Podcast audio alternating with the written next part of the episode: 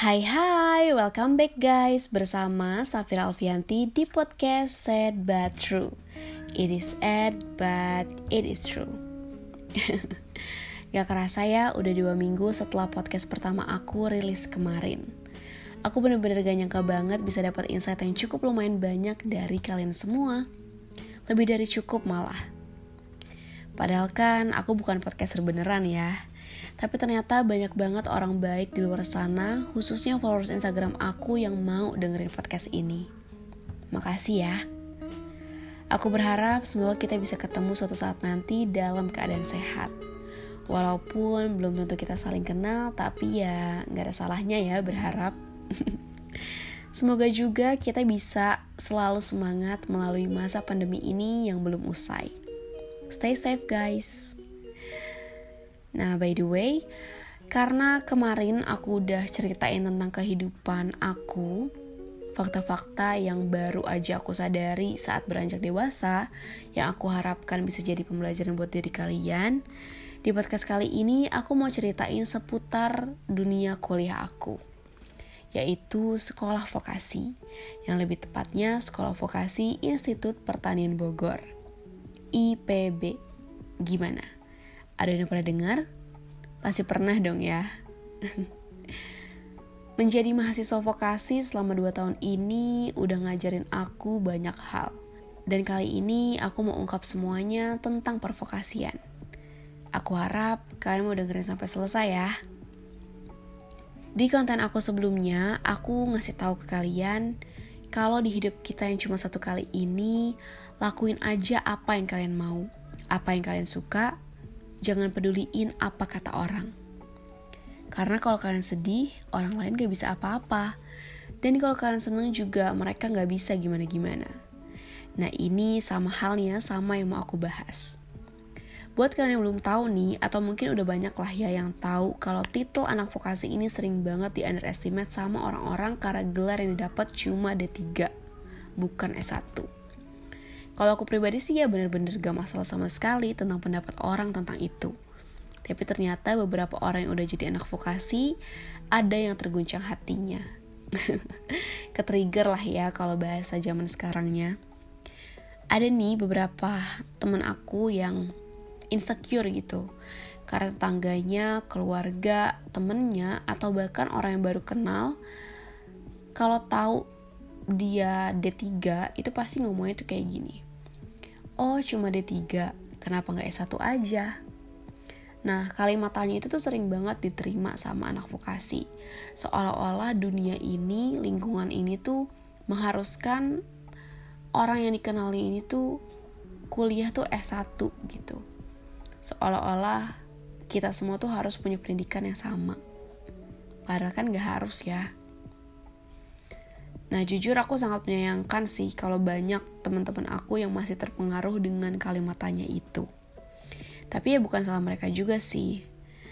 Aku tuh kayak pengen nekenin gitu ke mereka kalau Halo, inget ya, kalau kamu jatuh, orang itu gak bisa bantu. Kalau kamu setinggi langit pun, orang cuma bisa lihat. Jadi please stop pikirin omongan orang lain. Aku mau ngasih tahu juga nih ke kalian kalau faktanya vokasi tuh nggak seburuk itu loh. Kualitas seorang manusia itu gak ditentuin berdasarkan gelar yang dipunya. Percaya deh. Sebagai contoh, coba kita lihat anak SMA dan SMK. Dulu aku juga mikir anak SMK tuh gak banget. Maaf banget aku ngomong kayak gini.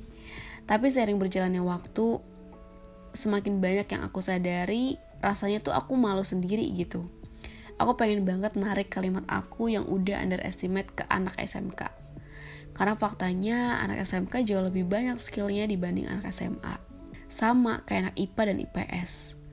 Lingkungan kita tuh selama ini bilang anak IPA tuh lebih keren kan. Lebih pintar katanya. Tapi faktanya banyak banget kok anak IPS yang pintar dan sukses. Itu sih contoh yang paling nyatanya dan yang paling dekat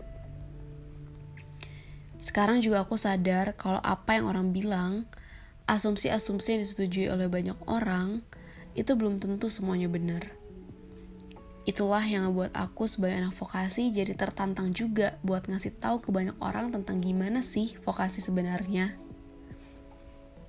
Siapa tahu nih belum ada yang tahu, aku kasih tahu.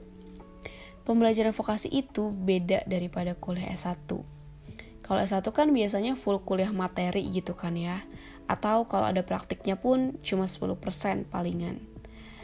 Nah, kalau vokasi AKA D3 ini, kuliah materinya tuh cuma 30 sampai 40% aja dan praktikumnya itu bisa 60 sampai 70%. Jadi banyak banget praktikumnya. Otomatis lebih banyak soft skill dan hard skillnya. Jadi antara D3 dan S1 bisa diibaratkan bagai SMK dan SMA kali ya. Awal aku bisa masuk sekolah vokasi juga emang penuh dilema sih. Sebagai manusia biasa gitu ya, aku juga pasti ngincernya S1. Tapi karena aku keterima di sekolah vokasi lewat jalur USMI atau jalur undangan via rapot, aku terima. Dan sebenarnya aku nggak terlalu begitu banyak mikirin tentang aduh berarti nanti gelar aku cuma ada tiga doang dong. Aku lebih mikirnya tuh gak ke situ gitu. Aku justru lebih mikir ke jurusannya. Aku udah dapet jurusan komunikasi yang aku tahu gak ada atau sedikit matematikanya. Statistika pun gak ada gitu kan. Which is itu adalah jurusan yang aku mau karena aku bener-bener sangat amat buruk di pelajaran matematika nah saat aku tahu komunikasi itu gak ada matematikanya aku pilih itu awal kuliah biasa aja lah ya, masih hahaha gitu. Aku ngerasa pelajarannya tuh pelajaran tentang hal-hal umum yang sebenarnya tuh kita udah tahu, tapi lebih dibahas lagi secara mendalam gitu. Jadi bener banget, jadi bener-bener kerasa banget kayak, oh jadi ini ya sebenarnya, oh jadi ini ya gitu ya gitu. Bener-bener banyak banget pengetahuan barunya. Tapi ya mungkin itulah manfaat kuliah masuk sekolah vokasi ini bener-bener bikin aku dan hampir seluruh teman-teman aku jadi bisa ini, bisa itu. Yang anehnya kalau teman-teman aku yang S1 atau beda jurusan tuh belum tentu bisa gitu. Contoh kecilnya nih ya, aku bisa jamin semua anak vokasi, komunikasi apalagi pasti bakal super kilat banget kalau disuruh bikin atau adain webinar. Kayak udah hatam banget gitu step by stepnya.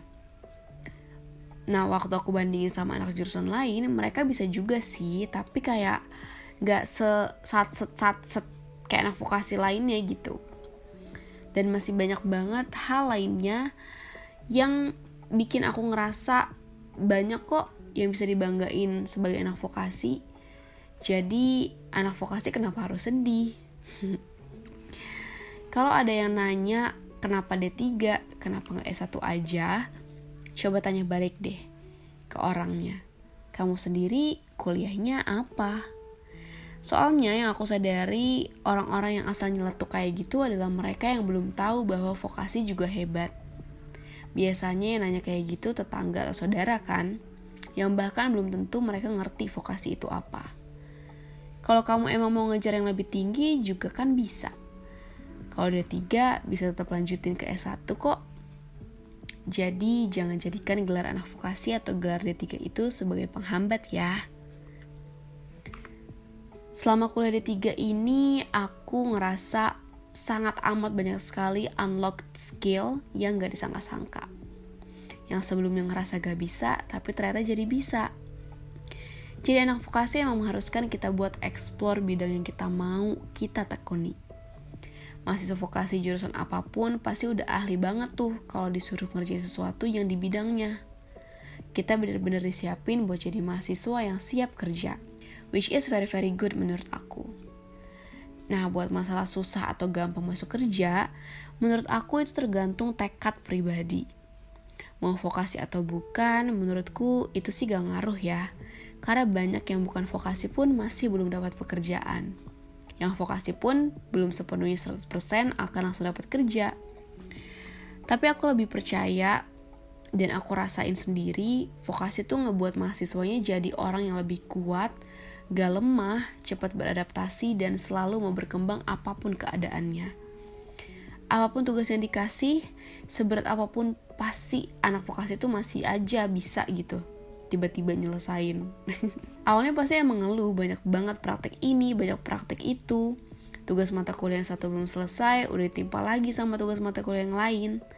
Dan per minggunya tuh pasti ada aja tugas yang berasa berat banget.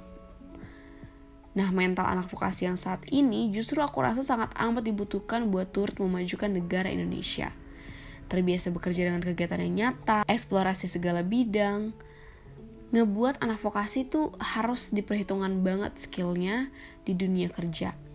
Menurut aku, pemerintah juga seharusnya bisa turut andil mempromosikan tentang sekolah vokasi supaya lebih banyak peminatnya. Karena vokasi tuh gak bisa dipungkiri, udah melahirkan bibit-bibit yang bisa langsung mengimplementasikan apa yang pernah dipelajari semasa berkuliahnya. Cilah. Tapi yang lebih utama buat memajukan Indonesia tuh satu sih kuncinya. Orang jujur. Ya kan? By the way, mahasiswa vokasi tuh lebih tahan banting ibaratnya. Makanya kan sering banget ada meme atau jokes gitu yang bilang kalau teman kamu anak vokasi bilang lagi nggak bisa main, jangan diganggu. Itu artinya dia lagi stres sama tugas. termasuk aku aku juga gitu. Teman-teman aku tuh sampai hatam gitu sampai udah hafal kalau aku jarang bikin instastory itu tandanya aku lagi sibuk ngerjain tugas. Emang tugasnya anak vokasi tuh bikin kita keluar rumah sosialisasi sama orang baru pergi ke tempat yang baru. Tapi emang di situlah serunya. Aku bener-bener mendapatkan pengalaman baru banget selama menjadi anak vokasi ini Nah guys, dari semua kalimat aku tadi, aku benar-benar gak bermaksud buat menjelekkan siapa pun atau lembaga mana pun. Semua yang aku ucap berdasarkan dari apa yang aku lihat dan aku rasa. Aku percaya kalau apa pun pendidikan kita, kita tetap bisa jadi orang yang berhasil. Karena tingkat keberhasilan setiap orang pun berbeda-beda ya kan? Gak semuanya harus karena pendidikan. Semoga dengan adanya podcast ini bisa ngebuat lebih banyak orang yang sadar kalau nggak semua orang harus menempuh pendidikan S1 atau pendidikan yang sama rata. Semoga kita semua selalu jadi orang yang bisa saling menghargai ya guys. Dan jangan lupa untuk saling mengingatkan. Cukup sekian ya podcast aku kali ini. Aku Safir Alfianti, pamit gak bersuara lagi nih. Bye. Selamat beristirahat.